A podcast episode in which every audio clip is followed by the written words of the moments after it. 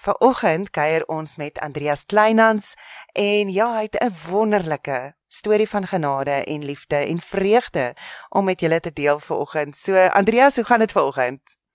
Dit gaan baie goed, dankie Bertha. Baie lekker om hier te wees. Ja, ag, dankie dat jy saam met ons kuier vanoggend. Dankie dat jy jou storie met ons kom deel. En ehm um, ja, ek gaan maak soos ek met al my gaste maak, gaan vir jou vra, waar het jou verhouding met die Here begin? Daai oomblik wat jy besef het of daai tydperk in jou lewe wat jy besef het hierdie is tussen my en hom. Hierdie is nie 'n 'n kerk ding nie.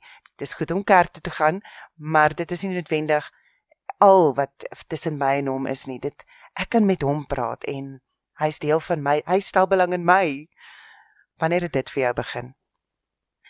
Weet jy ja mense vra baie keer die vraag en ehm um, ek moet nou sê ek dink ek is een van die gelukkiges en ek antwoord dan nou altyd. Ek dink dit begin op 23 Januarie 1968 toe ek gebore is. How beautiful. Dit, ja, ek ek kan nie 'n tyd onthou wat ek nie bewus was van God nie. Miskien toe ek nou kleiner was. Maar selfs dan, ek het groot geword in 'n huis waar my ma en my pa baie praktiese Christene was jy weet waar pa nog op sy knieë voor die bed gestaan het elke aand en elke oggend en Bybel gelees het en gebid het. So dit is waarin ek gewoond was, ehm um, kerk toe gegaan het. En as ek nou terugdink in my kleintyd, is dit een van die goed wat ek onthou hoe ek ehm um, gebedjies opgesê het. 'n Gebede. En ja, so ek was baie gelukkig. So ek sê altyd my verhouding het daar begin. Ja, en so met die loop van jare het dit natuurlik meer intens geword en ek het baie meer bewus geword daarvan, maar altyd bewus van sy teenwoordigheid. Altyd bewus van sy teenwoordigheid. Hoe wonderlik. En dit is dit is so wonderlik om uh as jy nou sê, jy weet jou ouers was mense wat prakties uh was oor hulle geloof en hulle het vir jou gewys. Hulle het as 'n voorbeeld vir jou gestaan in hoe jou verhouding met die Here kan wees. Uh dis wonderlik. Ehm um, ja. Ek, iemand het nou die dag vir my uh iets gesê van hulle doen karkatkasasie met hulle kinders. So o, hulle ja. as hulle hulle kinders in daai in daai plekkie het waar hulle nou nêrens heen anders kan gaan nie. Uh en waar daar ook nou nie wifi is wat hulle hulle self kan besig hou nie, dan gesels hulle met hulle kinders oor die Here en ek dink dit is nog 'n lekker plek om om te begin om jou kind te help om hulle verhouding met die Here te laat groei. Ja, uh, ja. As jy nou terugdink aan jou kinderdae, Uh wat was vir jou groot oomblikke gewees wat daai vir jou net bevestig het wat vir jou so lekker was om te sien of om te ervaar wat die Here vir jou in jou lewe bymekaar gebring het. Ek onthou byvoorbeeld vir myself, uh weet jy as 'n klein dogtertjie was ek siek die dag en my ma het by die huis gebly saam met my en sy het vir my 'n uh, 'n liedjie geleer en die liedjie was 'n Christen liedjie gewees en ek kan nie nou vir jou sê wat die liedjie was nie. maar dit is net daai spesiale oomblik wat sy gekreë het en wat jare by my gebly het en ek dink musiek is een van die dinge wat ons nogal ehm um, dra deur moeilike tye en musiek is iets wat ons nogal uh opbeer en, en kan skoei maar daai kinderliedjies uh my God is so groot, so sterk en so magtig, ons niks wat my ja. God nie kan doen. Al daai filmgedeers dit bly by 'n mens. Uh en wat wat is vir jou 'n oomblik gewees wat jy kan er, roep wat vir jou so spesiaal was? Weet jy, ek dink daar was so baie oomblikke. Ek maar vir my het na veral na vore gekom in die liefde en die aanvaarding wat ek van my ouers en my suster en my broer en eintlik die hele familie. Ek was die laatlam. So ek was ehm um, 15 jaar jonger as my suster. Ek is en ek is 11 jaar jonger as my broer. So jy weet ek was dit was groot opwinding dink ek toe ek gekom het. en almal het vreeslik baie aandag aan my gegee. Maar dit is wat my sal bybly die die ongelooflike liefde wat ek ervaar het en ek dink Dis juist deur daardie liefde en die omgee en die sorg en die versorging waar ek God eintlik ook leer ken het op 'n praktiese wyse. Want dit is hoe dit vir my gemanifesteer het in my lewe. Want ek het geweet God is liefde want dit is wat ons geleer het. En uh die feit dat almal vir my so lief was. Ehm um, ja, het ek besef, maar dit dit is eintlik God wat deur hulle lief is vir my. So ek dink daardie is die moment en daar's baie sulke goeters en die sorg en mm. my maale was altyd net daar vir my gewees. Dit was ek was eintlik so geseënd. Um, ek sê elke dag nog dankie. My pa's nou oorlede, my ma leef nog, sy's nou 88. Wow. wow. Maar ja, so ek dink ek was een van die gelukkigste kinders en dan het ek baie vriende gehad. Ek het altyd baie vriende gehad. Um ja, so ek dink vir my was die die liefde en aanvaarding en dit wat ek met mense kon deel dit is waar ek eintlik vir God en die Here ervaar het. Hmm. Maar Andreas, dit klink asof jy 'n wonderlike lewe gehad het. Het daar ooit 'n tyd gewees wat daar moeilikheid op jou pad gekom het, uh wat jy so half 'n bietjie dalk dalk weggedwaal het van die Here af en uh bietjie gesê het, "O, oh, jene nee," of net so half jou verhouding vir vervreem het, vir ja. bietjie ver verver het van die Here af? Ja. Weet jy daar was 'n kort tydperk. Ek kan nou nie regtig onthou presies wanneer dit was nie. Ek dink amper dit was ek was net uit die skool en ek het al begin studeer. Ja, oh, dan kom die wêreld, nee, dan kom die wêreld. Ja, ja, ja. en toe het ek nou maar gedink oor hierdie goed, maar ek is baie geestelik altyd gewees, baie soos ek nou sê spiritual. So, maar ek het op 'n stadium gekom en gedink, weet jy wat? Ek wonder of mense nie maar tog nou gekondisioneer is soos almal nou maar sê ook nie. Jy weet jy jy word in 'n sekere uh, milieu groot mm. en jy word eintlik gebreinwash. Ehm um, en toe het ek nie meer kerk toe gegaan nie. En dit ek was nie 'n rebel 'n rebel daaroor nie, maar ek wou net sien maar kan ek dit sonder dit doen? So ek het nie Bybel gelees nie, ek het nie gebid nie, ek het nie ehm um, kerk toe gegaan nie. Nie dat ek nie geglo dat God nie bestaan of nie meer daar was nie, maar daai praktiese goed het ek net nie meer gedoen nie. Maar dit was amper vir my soos 'n eksperiment. Ek wou net sien, jy weet, waar is ek en hoe voel ek regtig daaroor? Mm. Ja, so daar was 'n tydperk, gelukkig was dit nie baie lank nie. En ehm um, want ek het eers BSc studeer 'n uh, klein rukkie en ek het toe nou die gevoel en die roeping begin kry om teologie te studeer. Oh. So uh, ja, en dit was juis net in daai oorgang wat ek toe die besluit gemaak het. Ehm um, na ek nou so bietjie op my eie was, amper soos 'n verlore seun en besluit het ek nou kom ek terug en weet jy wat? Ja, ek moet seker net maar teologie doen. Ek het baie redes gehad hoekom ek dit aanvanklik nie wou doen nie. Maar ek het toe die besluit geneem en dis wat ek toe gedoen het en ek het oorgeslaan teologie toe. En uh, dit is dit dit kom so ek weet ek dink ek het ook deur so 'n tydperk gegaan wat ek my verhouding met die Here was daar gewees, maar my verhouding met die kerk was nie daar gewees nie. Um, ja. en ek dink dit is dis belangrik om om te weet dat dit dit oukei is. Ehm um, jy kan nou deurgaan, maar dit is goed om terug te kom in 'n gemeenskap waar jy kan ehm um, deur gesprekke voeding kan ontvang, waar jy deur gesprekke bemoediging kan ontvang. Uh en en waar wanneer jy te kort trek, dan kan iemand 'n bietjie langer trek vir jou. Um maar wat ja. ek nou eintlik vir jou wil vra is wat het jou want dit klink vir my asof daar 'n roeping op jou lewe was. Uh en daar was 'n roeping vir jou gewees om teologie te gaan studeer en um en toe jy nou 'n bietjie teen dit geskop en gesê nee, wag, wag. Uh en en wat was daai gebeurtenis wat jou laat besluit het, okay. I'm going to do it. Ja, ek weet jy dit is baie moeilik. Ek dink dit is 'n gebeurtenis. Ek dink dit was 'n proses gewees.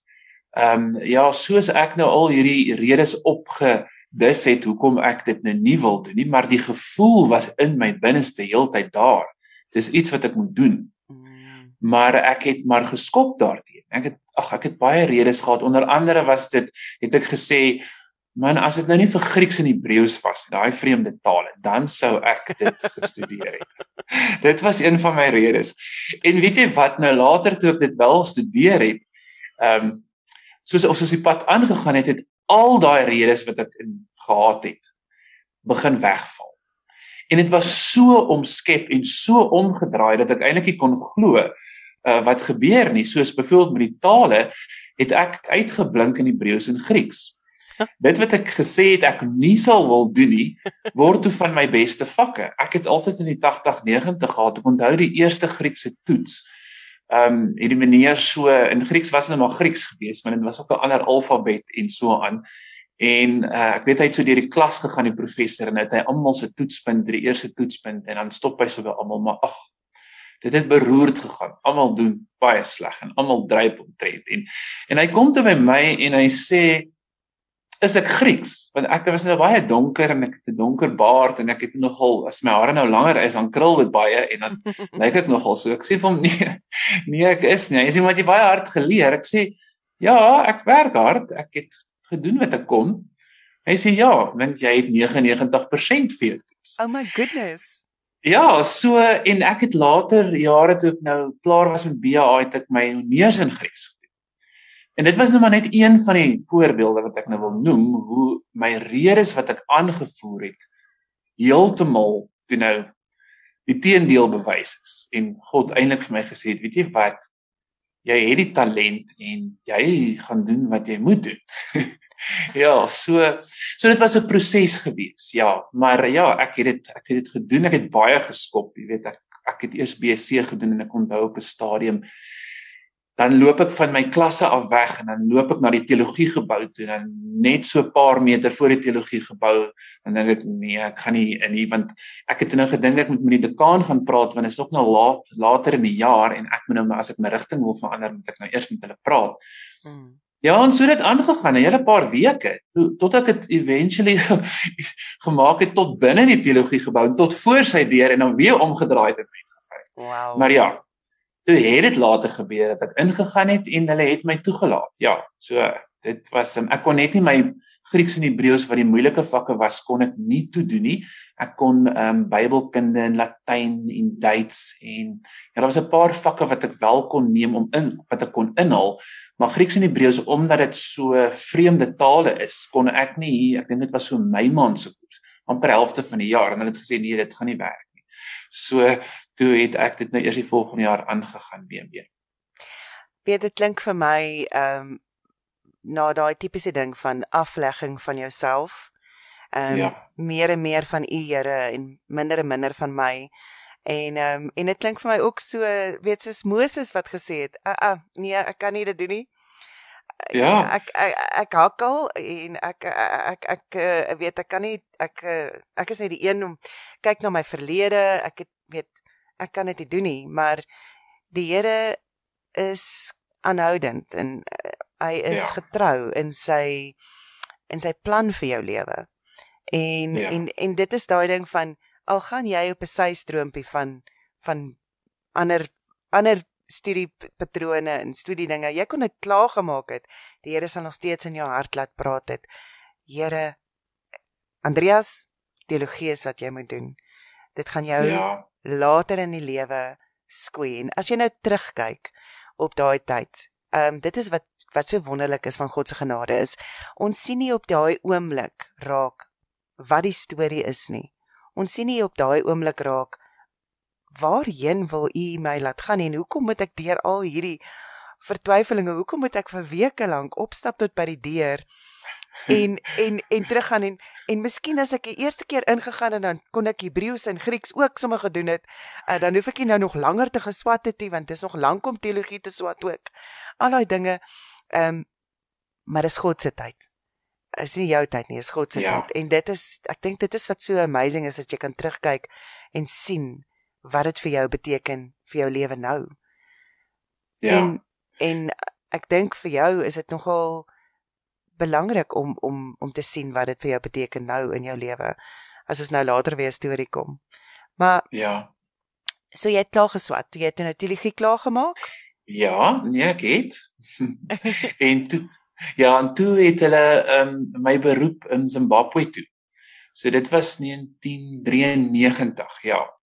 Uh, hulle het weer die kerk, die Afrikaanse kerke, uh ek was in die hervormde kerk en hulle het dit net weer probeer op die been kry daar. Daar was vir lank nie predikante nie. En toe het hulle twee van ons gekies in ons finale jaar.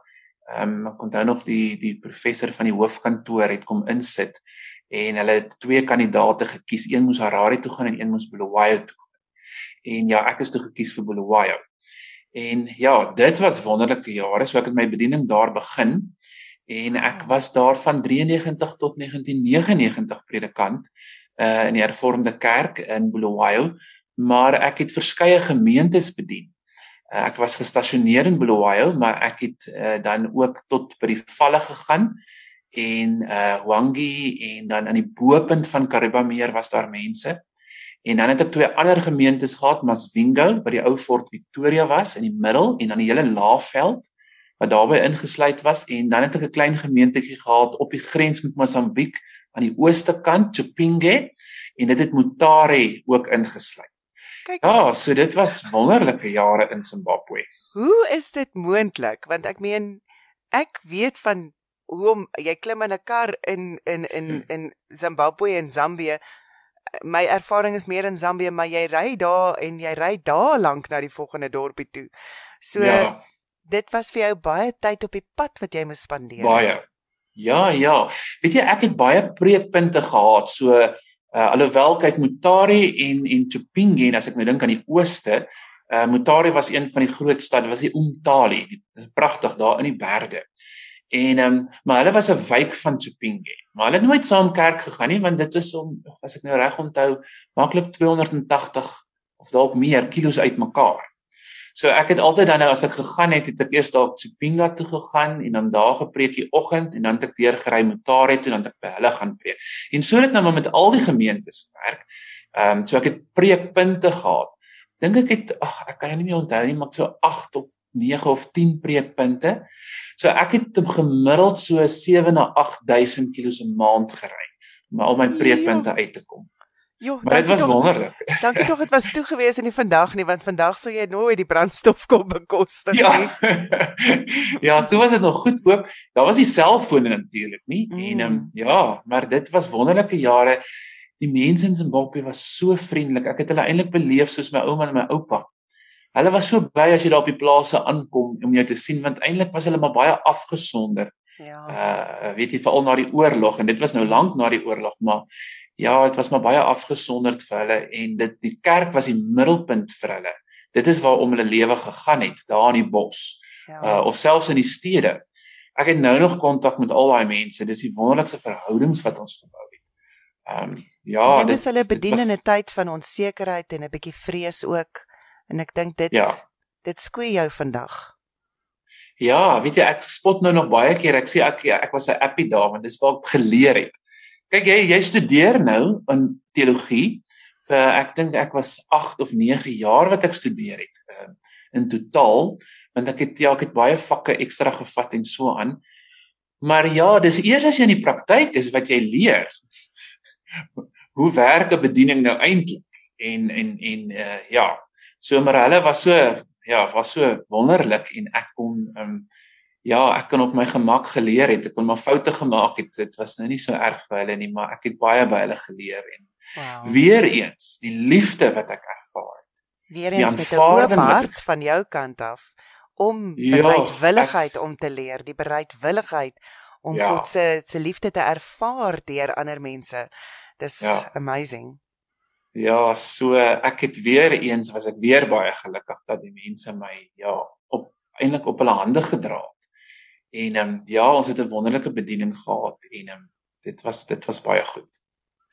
Andreas, ehm um, weet ek wil nou nie ons tyd met ons in inhaal nie want ek seker jy het vandag eintlik baie meer as net dit om te vertel. Maar ons wou net 'n bietjie agtergrond van jou lewe uh ja. gee en ehm um, jy het uh, in 99 toe teruggekom Suid-Afrika toe. Ek weet jy is nou betrokke ja. toe was jy deel van die hervormde uh, kerk gewees, maar jy is nou ja. betrokke by die Baptist, eintlik 'n Baptist kerk. Ehm um, nee, ek is nou by die Presbyteriaanse kerk in okay. Ja. Ja, so ek ja, ek was toe nou verlaat. Ek het teruggekom ehm um, na Melville toe. Dit was my gemeente, die hervormde gemeente in Melville.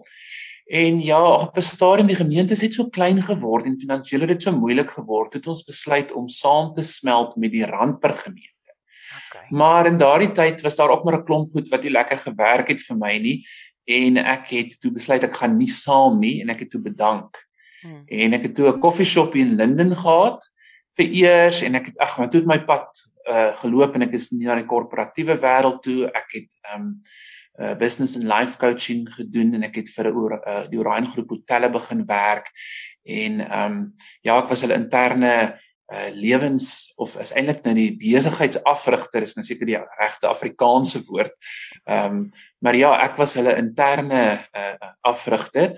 So ek het al die hotelle, hulle het 14 hotelle dink ek op daardie stadium gehad en ek was ja, deel van daardie span wat elke maand gaan het en dan die die die bestuurders dan nou uh gecoach het as ons nou so dit sê. Ek het toe later ehm um, hulle besit ook die Bakwena Spa groep. En uh ek het toe van die spanne ook toe nou al gecoach en hulle het in 2016 hulle getak was hy is hierso die hooftak is in um Centurion eintlik in Erasmia by die Welmore Hotel.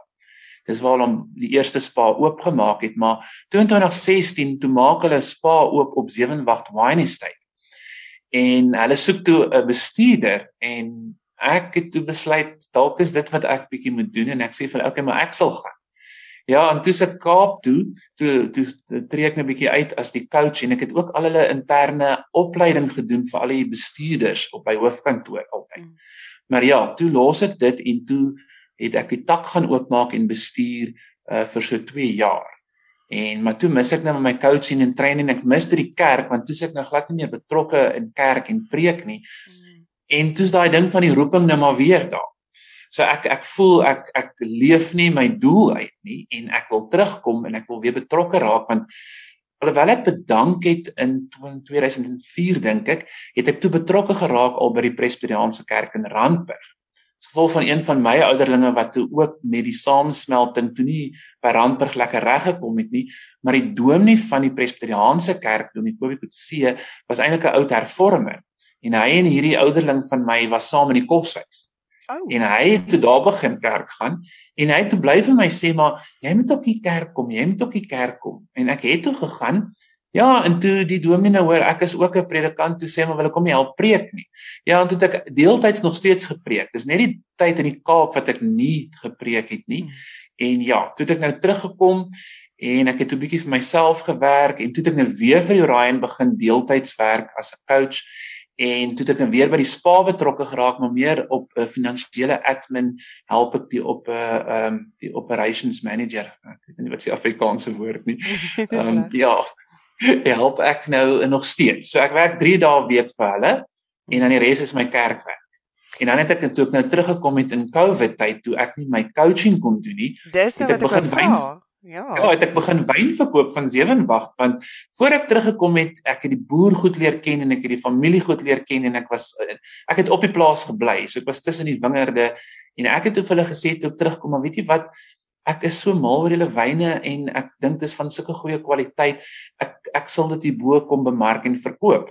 En hulle het my opgelei, maar ek het dit nooit toe kom doen nie want toe raak ek met 'n klomp ander goed betrokke, maar toe ek nou nie werk het nie. En in die COVID tyd toe begin ek nou die wyne verkoop en dit is hoe ek nou ook by Alice beland het. Ek ken Alice eintlik nou maar van my kerk, ons baie van my kerkfunksies beaghou. Ja, dis maar nou ja, Alice Art, Alice Art in in, in ja, Reinsig, nee, ja. Ja, ja, ja. So en dit is hoe ek so ek doen dit nog steeds, maar ja, die laaste tyd doen ek dit baie min waaroor ons nou net sal gesels want toe hmm. daar baie klomp ander goed in my lewe gebeur. Maar kom ons kom ons kom by daardie inspirasie uh, um, dit is baie baie inspirational ehm um, jou storie. Ek meen wanneer kom ons ja, jy het nou op 'n punt gekom dat COVID het gebeur en met dit saam ehm um, het daar toe nou 'n diagnose vir jou gekom ehm um, ja. met jou gesondheid. Maar hoe het jy besef ja. daar's iets fout? Ek is altyd so half van hoe weet 'n mens ek moet nou dokter toe gaan want kyk ek gaan nie ja. dokter ja. toe nie. So ek wil weet hoe moet mens weet? Ja. So dit was ja, dit was laas jaar uh Januarie 2021. Maar dit het 'n bietjie 'n vroeër aanloop gehad. So ek het 'n vergrote prostaat gehad.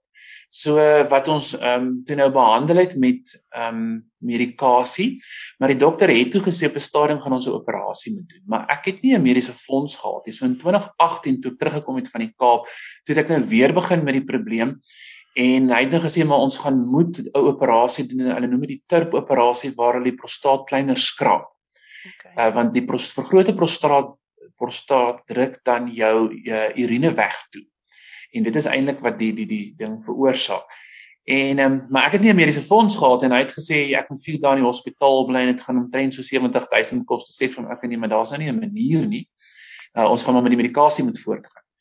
En wat ons wel gedoen het van 2018 af en maar ek het toe op 'n mediese fonds gegaan. Maar natuurlik het hulle die prostaat uitgesluit vir. O oh, ja. Omdat dit 'n dit was al reeds 'n kondisie. Ten minste ja. Net daarom 'n jaar.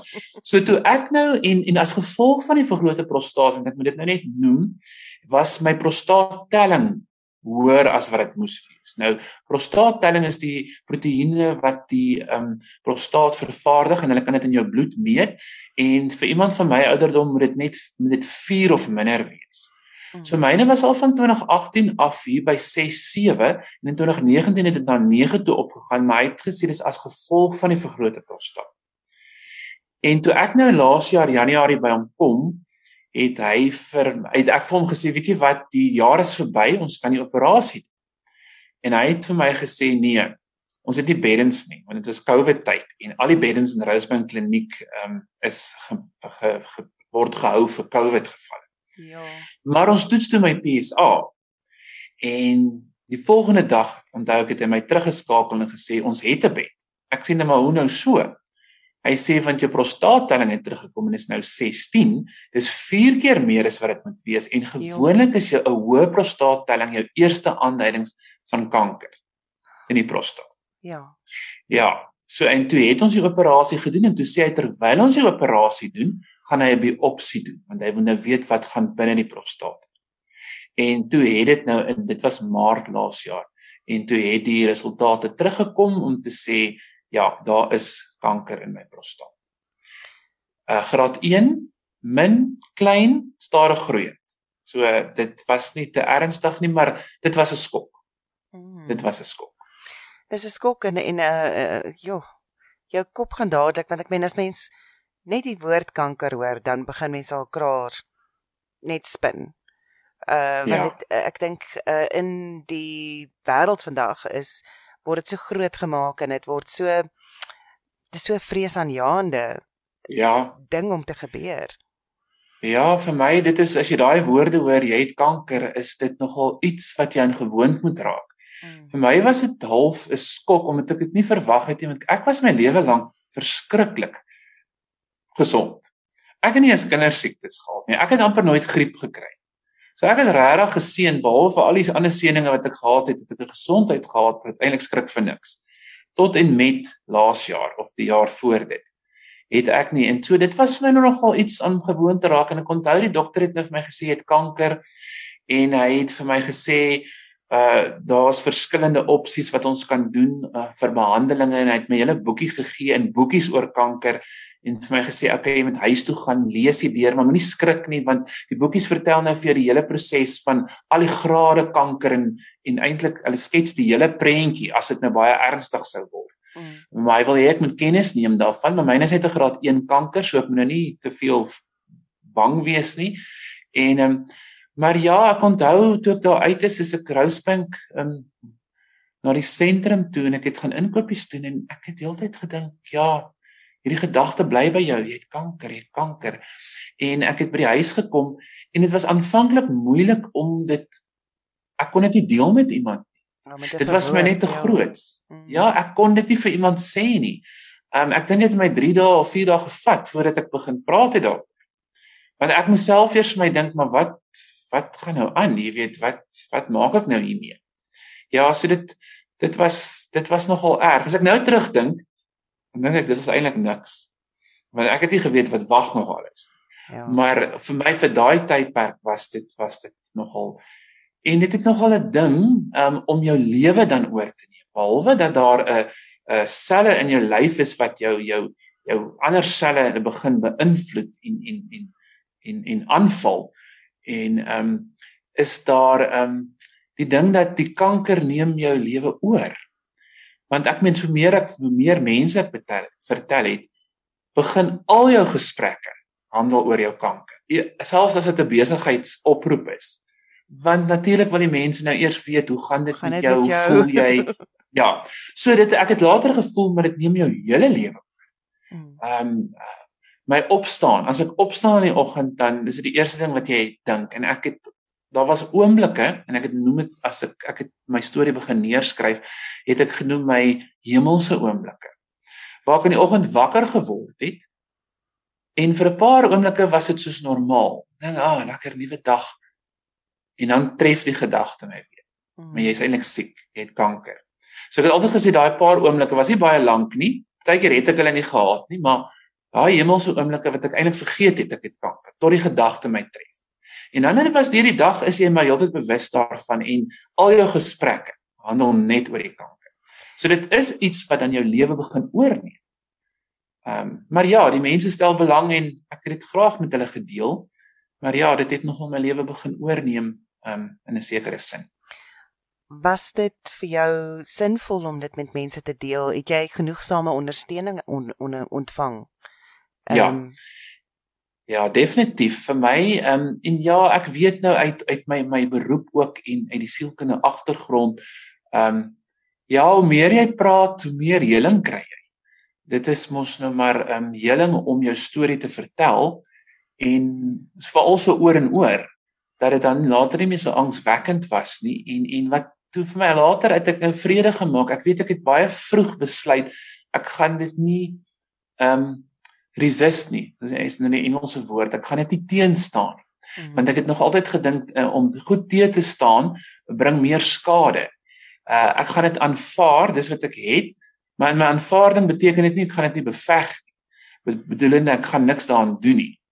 Ek net ek besef ek dit is so en dit is nie dat ek hierdie in hierdie in hierdie ding ingaan om te sê maar ek wil nie kanker hê nie en hoekom het ek nou kanker? Ek het nie daaraan gegaan nie. Ek het dadelik besluit okay, dit is Dit is hoe dit is, maar ons gaan alles doen wat ons kan en hmm. eintlik uh vir die prostaatkanker, die tipe kanker wat ek gehad het, uh, graad 1, is sê hulle nou altyd um in die boeke wat ek ook gelees het, as jy nou kon kies as man wat 'n kanker jy, dan kan jy prostaatkanker kies, want dis een van die mees behandelbaarste kankers wat die maklikste genees, veral as hy so laaggraad is soos wat ek hom gehad het. As hy natuurlik nou versprei het en en en en al verder gevorder is, is dit baie moeiliker, maar dit wat ek gehad het, dit is dit was eintlik 'n dit was eintlik niks nie.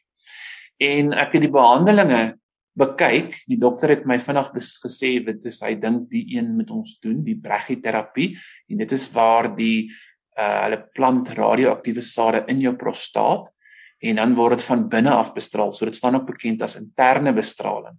Dan vir 6, 8 maande word jy van binne bestraal. Jo. Maar dit het 'n vreeslike 95% goeie sukses uh uh oorwinning van kanker dan met amper niks neeweffekte nie want sure. Nou wil ek vir jou sê as ek die boekie gekry het, 'n hele boekie gekry oor al die tipe behandelings. Maar dit was eintlik vir my baie vreesaanjaend want hulle beskryf sê net vir jou of beskryf vir jou hier is die behandeling en dan gee hulle vir al die neeweffekte. Hmm. En ek wil vir jou sê al daai kankerbehandelinge, chemo, ehm um, radiobestraling of selfs as hulle die prostaat sou verwyder, is daar soos 'n hele bladsy van neeweffekte wat jy gaan ervaar. Die brachyterapie was een van die min, hy het net 3 gehad.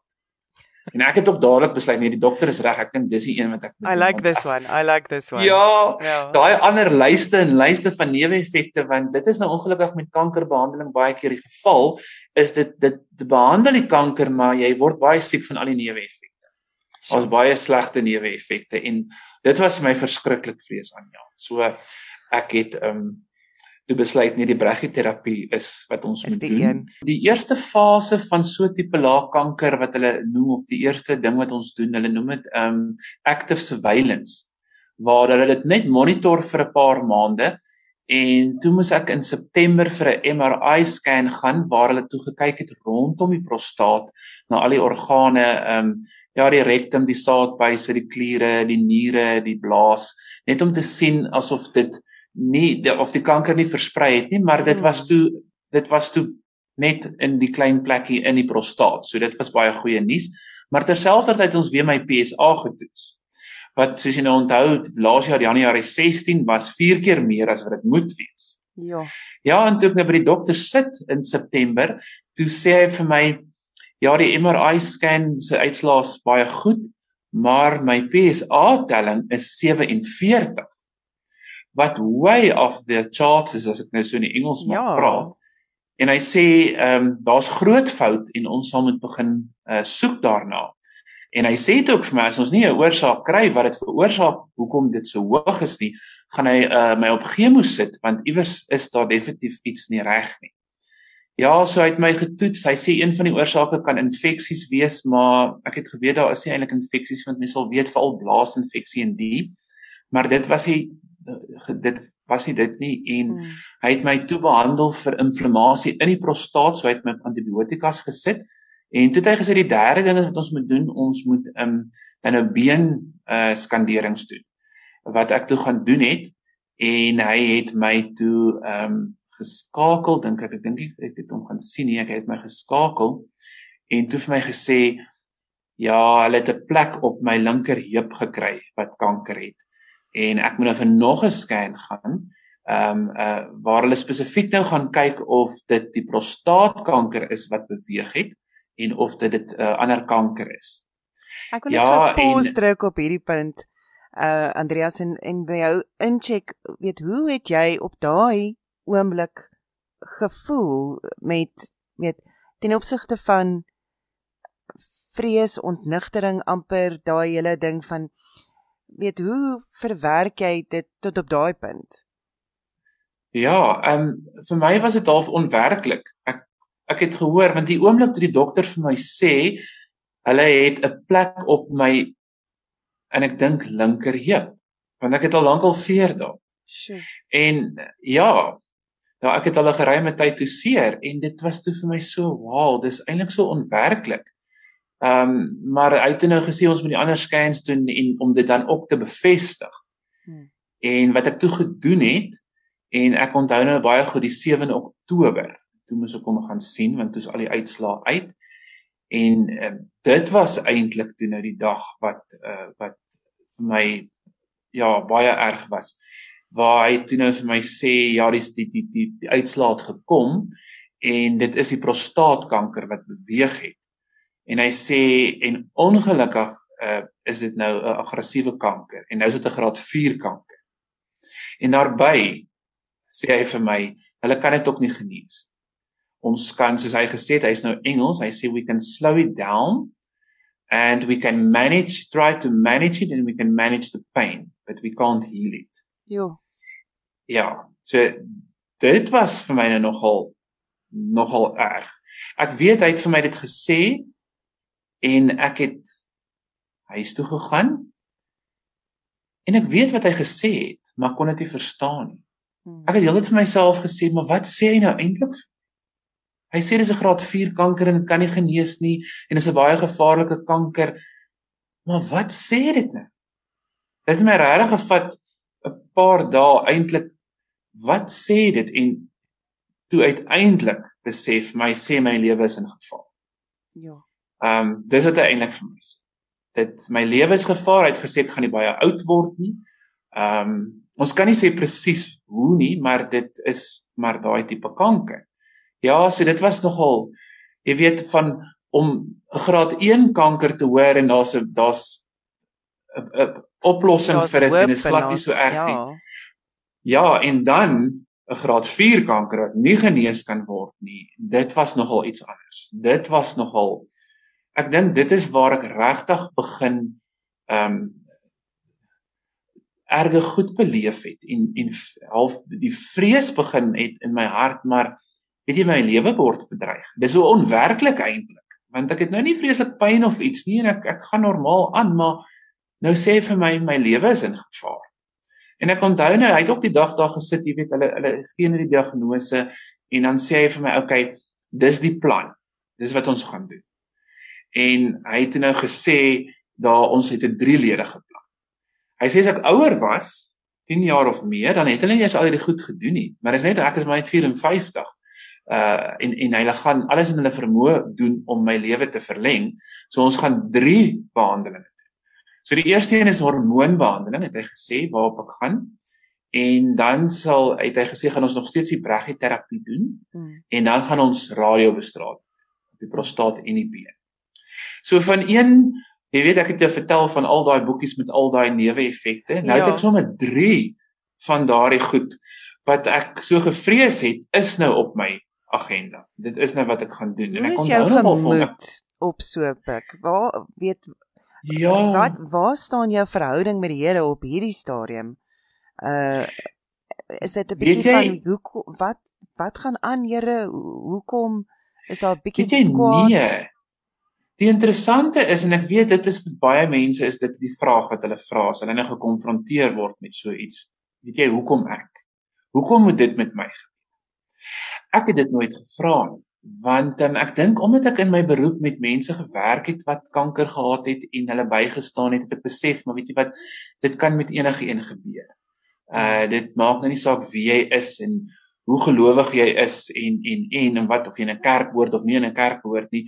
Dit dit dit vra nie. En ek onthou ek is was nou 'n groot um aanhanger van Olivia Newton-John en sy is ook met kanker gediagnoseer in die 90er jare. En ehm um, sy is eintlik op die dag gediagnoseer waarna waarop haar pa oorlede is aan kanker. Jo. Selfe dag het sy die diagnose gekry. Maar sy het 'n liedjie geskryf daaroor. Uh uh, uh don't ask why me, why not me? That's the question.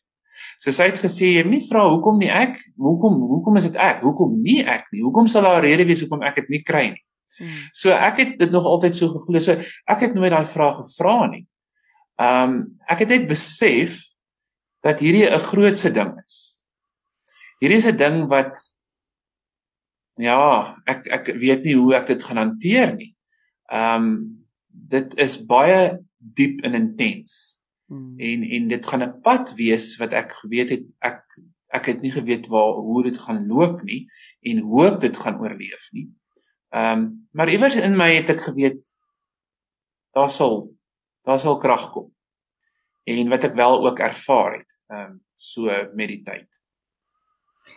Ehm um, en ja, dit is daai wete van jy die vertroue wat jy moet stel in die Here en sê ek vertrou ja. op die Here. Ek weet U sal alles met goeie ten goeie laat meewerk. Al is ek besig om deur hierdie verskriklike vallei van storms en en dinge te gaan, weet ek U sal ja. my deurdra ehm um, tot waar ek moet wees ehm um, wanneer mens kom en en ek dink mens begin dan ook jou geestelike van jou fisiese doelwitte skei. Ek weet as jy verstaan wat ek bedoel. Um, ja. Dat jy so half meer in die geestelike begin leef. Ja. Kyk, ek het eintlik van die eerste diagnose, ek het dit baie spiritueel ervaar. Ek ja, ek het dit as 'n geestelike ding begin ervaar en ek dink dit het geïntensifiseer met met hierdie hierdie uh uh tweede diagnose uh waar hierdie kanker nou eintlik my lewe bedreig want ek ek onthou toe hy nou sê ek moet met die hormoonbehandeling begin te sê van moet ek regtig nou met dit begin? En hy het vir my gesê I prefer you do because you're actually in a fight for survival. You are going to fight for your life for the next 2 to 3 years. En daar het die besef begin kom maar weet jy hierdie ding is baie is baie gevaarlik en dit is intens.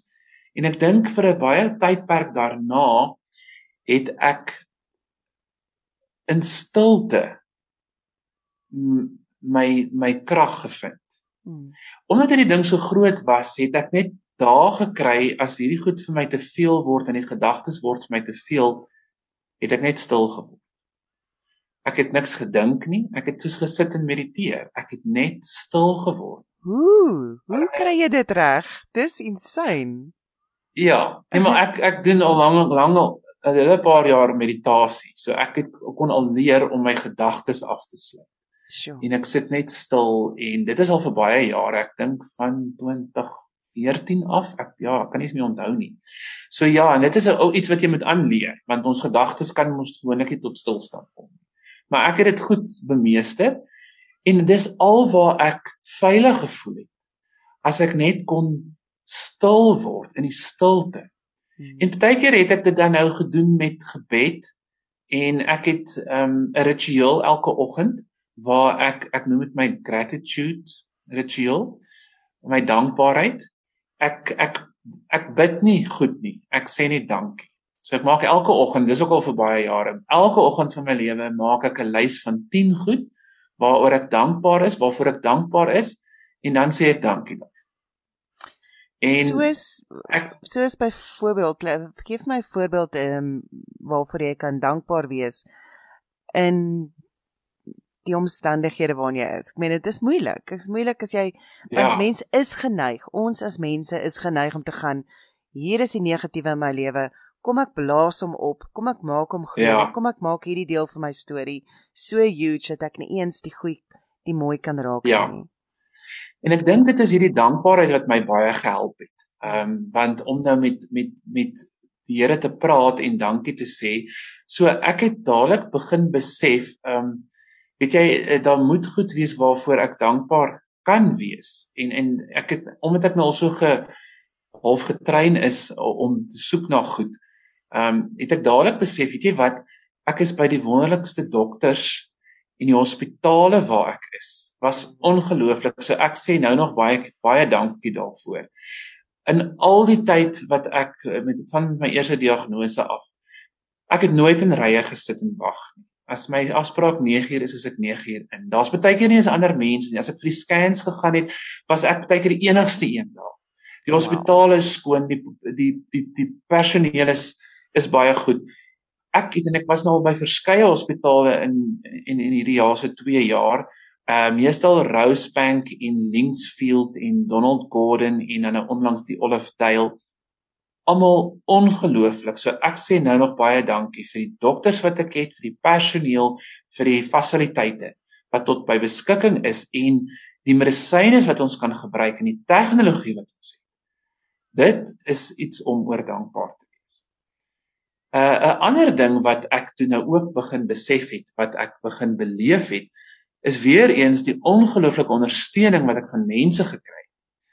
En die en dat my verhoudings eintlik met alle mense en almal wat ek ken, so intens geword het. Mense wat so belangstel, mense wat ek eintlik laas op skool mee gekommunikeer het wat nou in kontak met my is, wat vir my bid. Ja, dit was weer eens hierdie ongelooflike ervaring. Weet jy, op daaglikse vlak nou nog sal mense vir my sê hulle is lief vir my. Wat nie noodwendig voorheen gebeur het nie. Nee, nie noodwendig nie. Ja. Nee, ek hoor dit nou nog daagliks. Mans, vrouens, oues, jonges wat vir my sê hulle dink aan my en onthou ons is lief vir. jou. So dit het dit is die weer eens wat ek die Here beleef. Ek beweer weer eens hy liefde wat ek beleef. Uh en dit maak my sterk. Dit gee my krag. Uh ja, so dis my nog 'n ding waaroor ek dankbaar is. Dis al die ondersteuning en die liefde en dat al my verhoudings so intens kon word. So mooi kon word. 'n Ander ding wat ek dink wat vir my baie positief was uit hierdie hierdie hele diagnose is dat dit my geleer het om te prioritiseer. Ek het dadelik begin besef, weet jy wat? Tyd is nou nie noodwendig aan my kant nie. So ek kan nou nie 'n lewe leef wat sommer ongestruktureerd is nie. Mm. Ek moet besluit wat is werklik belangrik en ek moet daarop fokus. Ek kan nie meer fokus op goed wat onbelangrik is nie. So ek het begin goed uit my lewe sny. Dramas partykeer van mense wat ek net besluit het wel ek gaan nie meer deel daarvan wees nie want my letterlik is my lewe te kort om my daarmee op te hou. So ek het regtig begin prioritiseer I love it. en en Yes. leef. Veral dan leef in die moment. En ek tot vandag toe nog as ons die res van my storie vertel, is dit waar ek oor so dankbaar is. Ek het nogal baie vroeg vroeg vroeg in my lewe het ek baie gefokus en geweet live in the now. Jy moet nou leef. Dit is al waar die ware lewe is. En ek het altyd vir die mense gesê, dis ook waar al waar God is in die verlede en die toekoms, maar dis al waar ek hom kan ervaar is in hier en nou. En ek het begin besef, weet jy wat? Nou is belangrik. Ek kan nie want ek het nou gaan lees oor hierdie tipe kanker wat ek het wat hulle nou gesê het in my lewe is verkort. So hulle het 'n studie gedoen in Amerika in 2018 met hierdie tipe kanker. En die prognose is glad nie goed nie. So hulle het gevind na die behandelinge dit het is 60% van die mense dood na 1 jaar. So daar het net 'n 39% dink ek was dit wat geleef het na 'n jaar na hulle hierdie behandelings ontvang het. En na 3 jaar was dit iets soos 12% wat nog geleef het van die groep. En na 5 jaar was dit 6%. So jy kyk na 'n tydperk van 1 tot 5 jaar, miskien langer. So en ek het net besef, weet jy wat, maar ek gaan my nie daarteen blind staar nie. Ek kan nie leef in vrees nie. Mm. Want dis nie hoe ek my lewe wil leef nie. Ek gaan elke dag ten volle leef en elke dag is my genoeg. En dis hoe ek begin leef het. En ek dink so dit ek, is dis wat jy nou sê is daai dankbaarheid wat jy doen in die oggend, daai wat jy met die Here gepraat mm.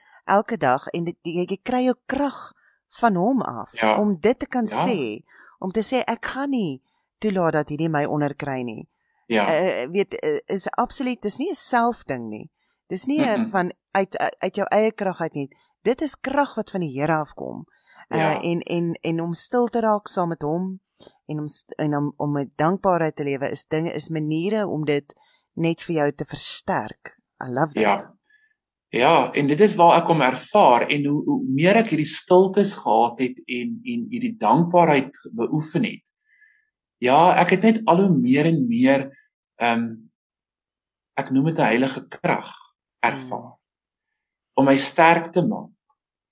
Ehm um, wat ek nooit voorheen nie, kyk ek het altyd naby hom geleef, maar ek het dit nog nooit so ervaar soos in die laaste tyd, maar ek was ook nooit gekonfronteer met waar ek nou is nie. Ek het nog nooit die dood as ware in die gesig gestaar. Dit was nie deel van my verwysingsraam. Hmm. Ehm um, ek dink dis 'n niemand se verwysingsraamwerk nie want ons glo in ons ons plan ons is nog jonk en ons beplan al wat ons gaan doen as ons oud is. Maar ek moes leer daar is nie noodwendig 'n oud word nie. Daar is nie dalk 'n môre nie. Hmm. Maar ek gaan nie fokus uh op hoe lank ek leef. Maar eerder ek is nou hier en watter verskil kan ek nou? Wat is my roeping nou op hierdie dag? So ek leef tot vandag toe nog En gister weer vir mense gesê elke dag is vir my net genoeg. Net elke dag. Ek beplan goed. Ek beplan baie goed vir die toekoms. Daar's 'n klomp goed wat nou gaan gebeur en waarmee ek besig is en aan werk. Hmm. Maar ek vat dit dag vir dag. Want dit is dit is ek dink hoe ons moet leef. Ja, jy het uh, jy het die quote op jou Facebook page wat sê don't wait for things to get better. Don't wait for things to get better. Yeah. Life will always be complicated. Learn to be happy right now. Otherwise you'll run out of time. En ek dink ja. dis dis so 'n ware uh, waar waaroor jy nou ook praat is van leef in die oomblik. Ehm um, werk aan aan aan aan die toekoms. Werk aan dinge wat jy kan verbeter of dinge wat jy kan uh kan uit uitskei maar werk ook aan dinge wat jy van vandag uh ja. kan geniet en waardeer. En ek dink die ja. dankbaarheid ja. uh weet daai uh, thankfulness, die gratefulness in die oggend is 'n ja. absolute manier om net tot daai punt te kom elke dag. Ja, nee, daai stiltes, die dankbaarheid. Ja, en dan net om op op op die goeie goed te fokus en hmm. en regtig te fokus hoor jy terwyl ek nou nog hier is, hoe gaan ek 'n verskil in ander mense se lewens maak? So ek het ook dadelik besef toe hierdie grootse goed nou op my pad kom, hoe ek daaroor gaan dink, gaan 'n baie groot rol speel. Want hoe jy oor goed dink, gaan bepaal hoe jy dit ervaar en wat jy daarmee gaan maak. Ja. En ek het besluit en ek onthou ek het nou die aand gelees op ek het ook my ek skryf my storie mos nou neer soos ek dit goed beleef, het ek geskryf iewers ek kan nie bepaal wat met my gebeur nie. Maar ek het die keuse om en, om te besluit wat maak ek hiermee en hoe kan ek dit tot 'n seën gebruik en positief maak? Ek raak so opgewonde as ek hoor mense sê dit, want dit is die ding, is jy het altyd die keuse. Hierdie ja. gebeur met my, ek het die keuse van hoe ek gaan reageer daarop. Uh, en en mens ja. kan dit buite 'n uh, siekte ook um, stel as as iemand mislik is met jou. Jy het die keuse of jy dit gaan vat en gaan koester in jou ja. hart. Jy het die nee, keuse absoluut. of jy dit gaan of of jy gaan sê luister, ek is jammer jy voel so op hierdie stadium uh oor my, maar uh ek gaan dit nie vat vir myself nie. Ek kan dit ja. deel maak van my identiteit nie. Uh en, ja. en en dit is so belangrik om te weet, jy het altyd 'n keuse om om Ja, dit is ongelooflik. Ja, um, ek het nou 'n boek ook weer gelees van Edith Edith Eger. Sy was ook in die konsentrasiekamp in die Nazi tyd en sy het sy het twee boeke geskryf, eintlik The Choice and The Gift. Nou dan praat sy juist daarvan die gift is juist dit dat ons hierdie keuse het ja. om te bepaal of te besluit okay wat maak ek hiermee. Hmm. So ek het gaan sit en dink. Okay, ek het nou hierdie kanker en dit is dit bedreig my lewe. Hmm. Hoe gaan ek dit positief gebruik? Hoe kan ek iets positiefs hiervan maak? Want die keuse lê daar om te kan gaan en te spiraal in 'n absolute depressie in om om of, en om heeltemal jouself net af te bring. Ja, uh, of in die vrees vas te val. Of in die vrees, in die vrees te leef. Ja. Ja. Ehm um, so ek het besluit na ek mooi gedink het en ja, dit was maar weer 'n proses van dink en meditasie en en alles. Ehm um, weet jy wat? Ek het nog altyd geglo my my doel op aarde is om mense te inspireer. En ek het dit altyd gedoen. En ek het besef, maar weet jy wat, Andreas, ek praat baie met myself. Andreas, die Here het vir jou nuwe tools gegee. Jy gaan nog steeds inspireer, maar jy gaan dit op 'n baie ander vlak doen, op 'n baie hoër vlak, 'n baie intenser vlak. Wow. Want dit wat nou op jou met jou gebeur het, is baie intens. Maar jy kan dit gebruik om mense te inspireer. Hmm. So dit was dan ek het net besef, weet jy wat, nou gaan ek Nou gaan ek hierdie storie met vertel. My storie moet nou uitkom. Nie omdat ek so wonderlik is, maar ek wil getuig van die krag wat ek ervaar en dat ek ek love my lewe. Ek sê nou net weer vir iemand ek love my life. Hulle sê maar hoe? Want ons is nou nog nie eens klaar met my storie, ons gaan nou nee, nog meer hoor. Ons gaan nou ja. ja. So ek love dit. Dan sê hulle hoe? Ek sê want dit is 'n gift wat God vir my gegee het en ten spyte van die kanker is ek nog steeds mal oor. Ehm um, ja. Ja, want ek wat ons sê ons nou gehoor het al, jy jy gaan en jy gaan sien daai ligpunte raak. Jy sien die liefde raak wat die Here vir jou ekstra baie gee nou. Jy sien die die vreugde raak wat daar is in elke dag, die dankbaarheid wat jy het vir elke situasie. Andreas, ons het toe nou gekom, dis nou die die prostaat, die heup en toe was dit uiteindelik nog nie. Ja, ja nee, dit was nie. Ek het ehm um, toe nou die in Januarie hierdie jaar het ek toe nou die braggieterapie gedoen. Dit was die tweede terapie. Kyk my hormoonbehandeling het in uh, November laas jaar begin en dit gaan nou nog aanhou tot middel volgende jaar. Ek het net nou so 3 weke terug my tweede inspuiting gehad. So dit hou vir so 6 maande en toe die dokter gesê hy gaan nog een vir my gee um, uh, uh, Desember. Want dan sal hou tot volgende jaar net om seker te maak dat die testosteroon nou nie 'n uh, 'n uh, moeite probleme veroorsaak nie want sien die hormoonbehandeling stop die testosteroon want die testosteroon voed die prostaatkanker. Ongelukkig. Ja en dit was vir my ook baie dit was vir my baie erg want ek meen as 'n man is jou testosteroon speel 'n baie groot rol en ja. dit laat jou manlik voel en gewoonlik op ons ouderdom begin mans uh aanvullings gebruik om hulle testosteroon vlakke hoër te maak en hier moes ek nou hoor ons gaan my nou stop vir so 2 ja. jaar. So dit was nou vir my glad nie baie lekker nuus nie. Dit was nie vir my lekker nie, maar dit was nodig. Dis hoekom die dokter gesê het jy's in 'n geveg vir jou lewe, so jy moet dit maar doen. So ek het. So ja, okay, toe Januarie het ons die ehm um, die die die uh, die die, die sade ingeplant in die prostaat en hulle gaan dit tot so September nou nog aktief wees en toe moet ek met my radiobestraling begin op die uh uh heupbeen en dan die prostaat. Hmm. En um, maar ek het nou toe intussen van 2018 af so ek elke dan en wan gesukkel met sekere kosse om te eet wat die kosse nie lekker wil afgaan. Hmm. En um, ek het gedink dis ernstig nie, maar so teen einde laas jaar het dit al hoe meer begin word. Aanvanklik was dit so eenmal in 3 maande, eenmal in 2 maande dalk, maar teen einde laas jaar het dit amper elke tweede, derde dag gebeur. Wat ek ek eet goed en dit dit sit vas. Dit kan nie afgaan nie. So toe ek nou by my huisdokter kom nou Januarie, toe sê ek vir haar ehm um, van die probleem en sy sê net maar sy verwys my na 'n spesialis uh, by Donald Gordon uh, hospitaal en ek het die afspraak gemaak. Dit was nou in Januarie, maar hy kon my eers die 10de Maart sien. So vol was hy. En ek het dis net voor ek met my bestraling begin het ek hom gaan sien en hy het ook ehm um, na my gekyk en hy het gesê, weet jy wat dit kan of 'n restriction wat hulle noem wees of dis 'n vernouing.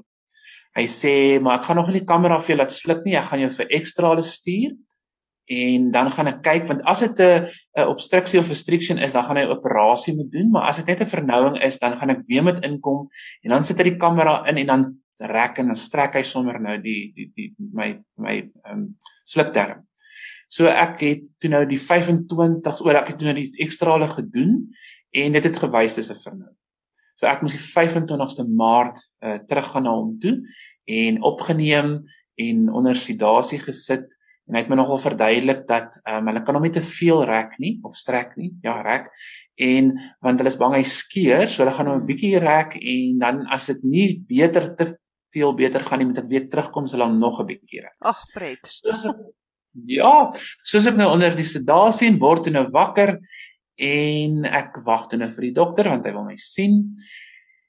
En weet jy Bertha toe ek nou voor hom gaan sit toe hy uiteindelik kom en ek kyk vir die dokter en ek dink hy lyk nie lekker nie. ek is nou die pasiënt, maar hy lyk hy lyk nie vir my lekker nie, hy lyk vir my senuweeagtig. En hy sê, hulle is nou almal Engels en hy sê vir my I'm so sorry we couldn't stretch the esophagus. Ek sê why not? Hy sê because you've got a cancerous cancerous growth, a tumor at the bottom of your esophagus.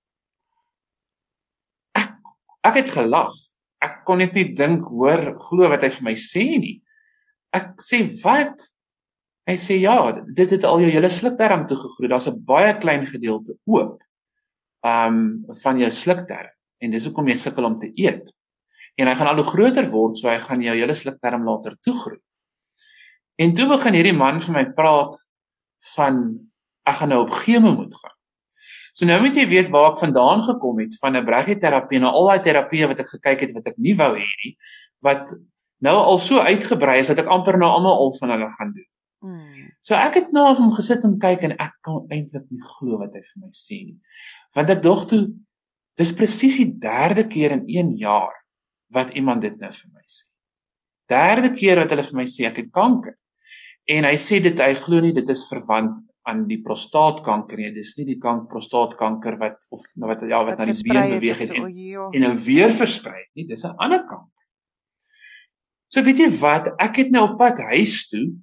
Daar's mos nou maar verskillende fases wat jy deurgaan as jy sulke nuus hoor en trauma ervaar. Hmm. So ek is deur al daai fases. Kyk en nou het dit al hoe vinniger gegaan. Nou vat ek nie meer dae nie. Jy weet in die tyd wat ek by die huis kom, dis ek deur al die fases.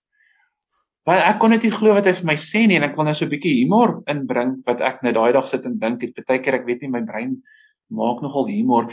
Ek sit en luister na hom en ek dink dit klink vir my soos 'n very mark advertensie. Waar hulle vir jou sê, weet jy hierdie is die die hierdie aanbod van jou lewe.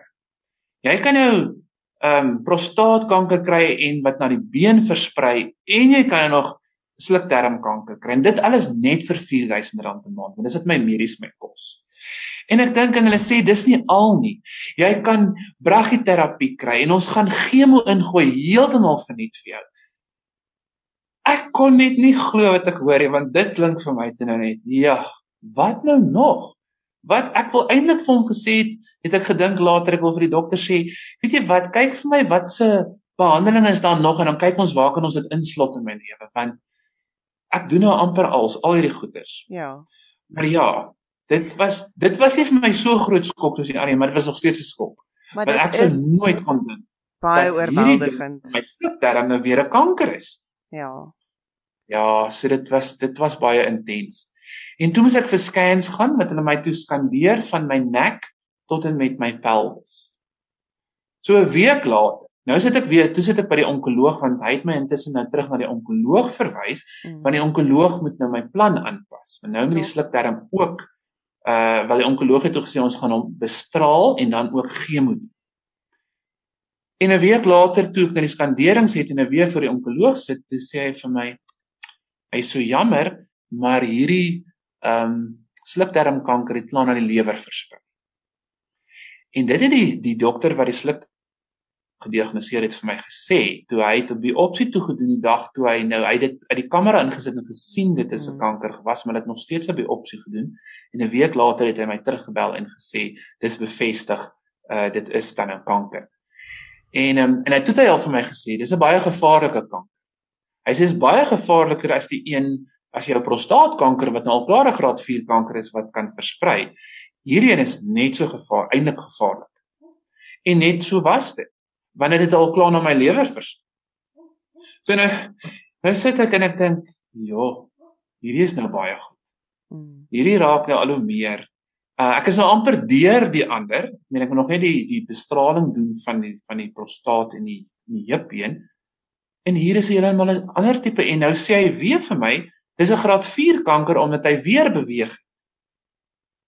Ja, so dit was baie. Intens. So dit is dis aanslag. Dis amper as mens voel ek, ek word aangeval. Ek word aangeval en ehm um, maar wat so wonderlik is van jou Andreas, dit ehm um, weet ek met jou gepraat het nou die dag. Te sê net ek wil my getuienis kom deel. Hier is wonderwerke op wonderwerke wat gebeur. Ja. Uh en en dit is so amazing. Ons het letterlik nou 7 minute oor. Kan jy dit oor vertel? So, so ons moet vinnig praat. Ja. so vertel vir my van daai wonderlike wonderwerke. Ja. Ja. So dit is dit is baie wonderlik sodat nou baie dat nou goeie en slegte goed gebeur. Maar gaan gou-gou die goeie goed vertel. Ehm um, Ja, toe ek nou so 2 weke terug moes ek nou die hormooninspuiting kry, maar toe moes ek weer my PSA toets. So, en jy weet nou van die 47 en die 16 en die 9 en die 7 voor dit. So toe toets ons my PSA en die dokter is toe so in ekstase met dit was 'n uroloog en hy sê jy sal dit nie glo nie, maar dit het afgekom van 47 na 0.2. Wat hy sê 'n wonderwerk is. Wow. Want jou prostaat telling is nou 'n goeie aanduiding wat die kanker doen. Mm. En hy sê toe vir my so alles wat ons nou tot dusver gedoen het en ek meen ek is nog besig. Ek het toe net ja, ek dink ek het toe net my prostaat bestraling en my beenbestraling klaar gemaak. Dat hy sê dis 'n baie goeie aanduiding dat dit in remissie is. En so het die onkoloog dan nou ook uh, bevestig hierdie kanker wat ongeneeslik is wat ehm um, mense ook nou nie maklik oorleef nie. Alhoewel die onkoloog my gesê het hy het een of twee gevalle waar hulle 10 jaar in remissie is. Ek het toe al gedink aan ah, maybe maybe kan ek een wees. En dit het dis dit het bewaar geword. So hy het bevestig dat daai kanker van my is nou in remissie. Wow. Wat ek glo net genade is en almal staan in verwondering omdat dit so gou in remissie gegaan het. 5 maande nadat hulle gesê het, weet jy, dis ongeneeslik. Dit is nog steeds ongeneeslik, maar dis in remissie. Wow. So daaroor kan ek net juig en dankbaar wees en dit is waar ons nou dag fees gevier het want dis omtrent iets om oor fees te vier. Dit is absoluut, dis absoluut iets om oor ja. fees te vier en ek ek dink Maar dit, ja, die Ja. Ja ja, nee, maar hulle het nou vir my gesê laas week weer, al twee dokters het met my gepraat, die slukterm uh, dokter wat dit gediagnoseer het en die onkoloog dat die die kanker in in die, die slukterm is baie gevaarlik. So hulle het vir my gesê, ehm um, dit kan enige dag, enige tyd na enige ander orgaan versprei. En ons gaan dit nie weet totdat dit gebeur.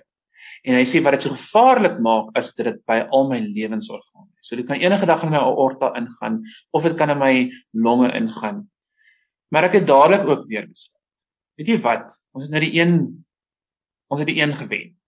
En met die krag van God glo ek ons kan ander een doen. Ek het nou eendag vir iemand gesê, gou nie die pad op stap nie, gou nie op glo nie en hoop nie, want as ek ophou, mis ek dalk die wonderwerk om die draai. En wie weet, miskien is ek die wonder. So ek fokus weer eens. So ek weet dit is baie gevaarlik, maar ek moet ook bysien nog 'n goeie ding gehou is dat die radiobestraling, ek is amper klaar, ek moes 30 sessies kry op die uh uh slukterm en ek maak volgende Dinsdag klaar met dit. Oh. En die wonderlike is ek kon vir 2 maande nie eet nie en ek het laasweek begin eet. So ek kan nou weer eet. Wat beteken dat die gewas nou gekrimp het. Gekrimp het. Dit gaan krimp. Ja. Oh, en dan as ek nou na volgende week gaan ek op chemo vir die lewer. En dan sal ons kyk na die operasies vir 6 weke gaan ek chemo kry. Ja, maar ek is baie positief. Ehm um, en ek gaan weer eens nie vestig my aandag vestig en fokus op weet jy wat dis gevaarlik en ek kan dit kan versprei nie. Mm. Ek gaan elke dag is net genoeg. Dis genade. Dis waar ek my storie gaan vertel. Ek love it. Andreas, dis 'n beautiful inspirasionele storie van hoop uh en van vreugde wat net uh absoluut uit jou uitstraal. En ja, hierdie is 'n is 'n is 'n storie wat nog besig is om aan te gaan. Ons is ja. in die middel van jou storie. Um ons het reeds oorwinnings, daar's reeds wonderwerke wat gebeur het. Ehm um, maar ek dink wat jou wenresep is, is dat jy die keuse maak om te fokus ja. op dit wat mooi is, alles wat mooi is, alles wat goed is, alles wat ehm um, prysenswaardig is. Ehm um, ek dink is Filippense 4:6. Ja. Wat sê? Ek fokus op dit, Here. Uh en en en dit maak hierdie journey vir jou 'n wonderwerk op sy eie. Ja, dis die storie van my lewe. Ja. Hierdie gaan die storie wees en ek ek het beplan baie groot goed. Ek het iemand ontmoet op my pad. Ja, jy ken haar El Gosling. Uh, sy het ook onderhoud met jou gedoen. En ons gaan begin saamwerk. Ons beplan eintlik ons eerste sessie uh, by Alice Art Gallery in Rymsig nou middel Julie waar ons gaan inspirasie bring en hoop bring vir mense. Ja, sy het my op pad met myne gekruis en ek sê net elke dag dankie. Dis ongelooflik. Maar ja, vertel ons vinnig, vertel ons vinnig van hierdie van hierdie geleentheid. Ja, so so ons gaan nou ons ons gaan mense inspireer. So sy gaan haar storie vertel want sy het ook baie om te vertel. En ja, dan gaan ek my my my storie vertel en dit gaan alles gaan gemik wees om mense aan te raak en vir mense te sê, weet jy wat, ja, ons gaan deur baie slegte tye partykeer en partykeer is dit goed baie dink jy kan dit nie hanteer nie. Maar jy kan daar daar daar is altyd 'n weg uit en met die krag van God uh, is enige iets daar's nou pas ek noem my storie uh, ek het 'n nie 'n blok nie maar ek het 'n groep wat ek gestig het uh, uh Andreas Journey of Hope. So die Andreas hope staan vir ja die hope staan is 'n storie van healing van uh new opportunities van uh no, nothing is uh everything is possible in emerging from the ashes. Dis wat my hoop hoop voor staan. Amen. So ek is um, ja en nou gaan ek en El baie goed saam doen ons beplan ek ons nou eerste ding maar ja, glo daar gaan baie kom en Andreas, baie op. Waar kan die mense vir jou opspoor as hulle wil jou saam met jou bemoedig? Jong, ek is op Facebook, op uh, Facebook? Andreas Kleinens. Ja. En Andreas Kleinens, uh, ja. Ja, Andreas Kleinens, ja, net so. En dan uh die Journey of Hope groep is dit 'n is dit 'n WhatsApp groepie of is dit Dis 'n WhatsApp groep. Ehm um, mense, wel ek weet nie hoe gaan dit werk nie. Ek ek kan dit iewers dalk post. Ek weet of jy 'n plek het nie wat ek 'n link kan post en dan kan hulle dan kan hulle join as hulle graag wil deel wees daarvan. Ek dink um, maak 'n public post op jou page, op jou op jou ja, Facebook. Nee, dan kan mense van daar af gaan. Bye bye, dankie ja. dat jy met ons gedeel het. Dankie vir jou tyd vanoggend. Ons waardeer dit opreg.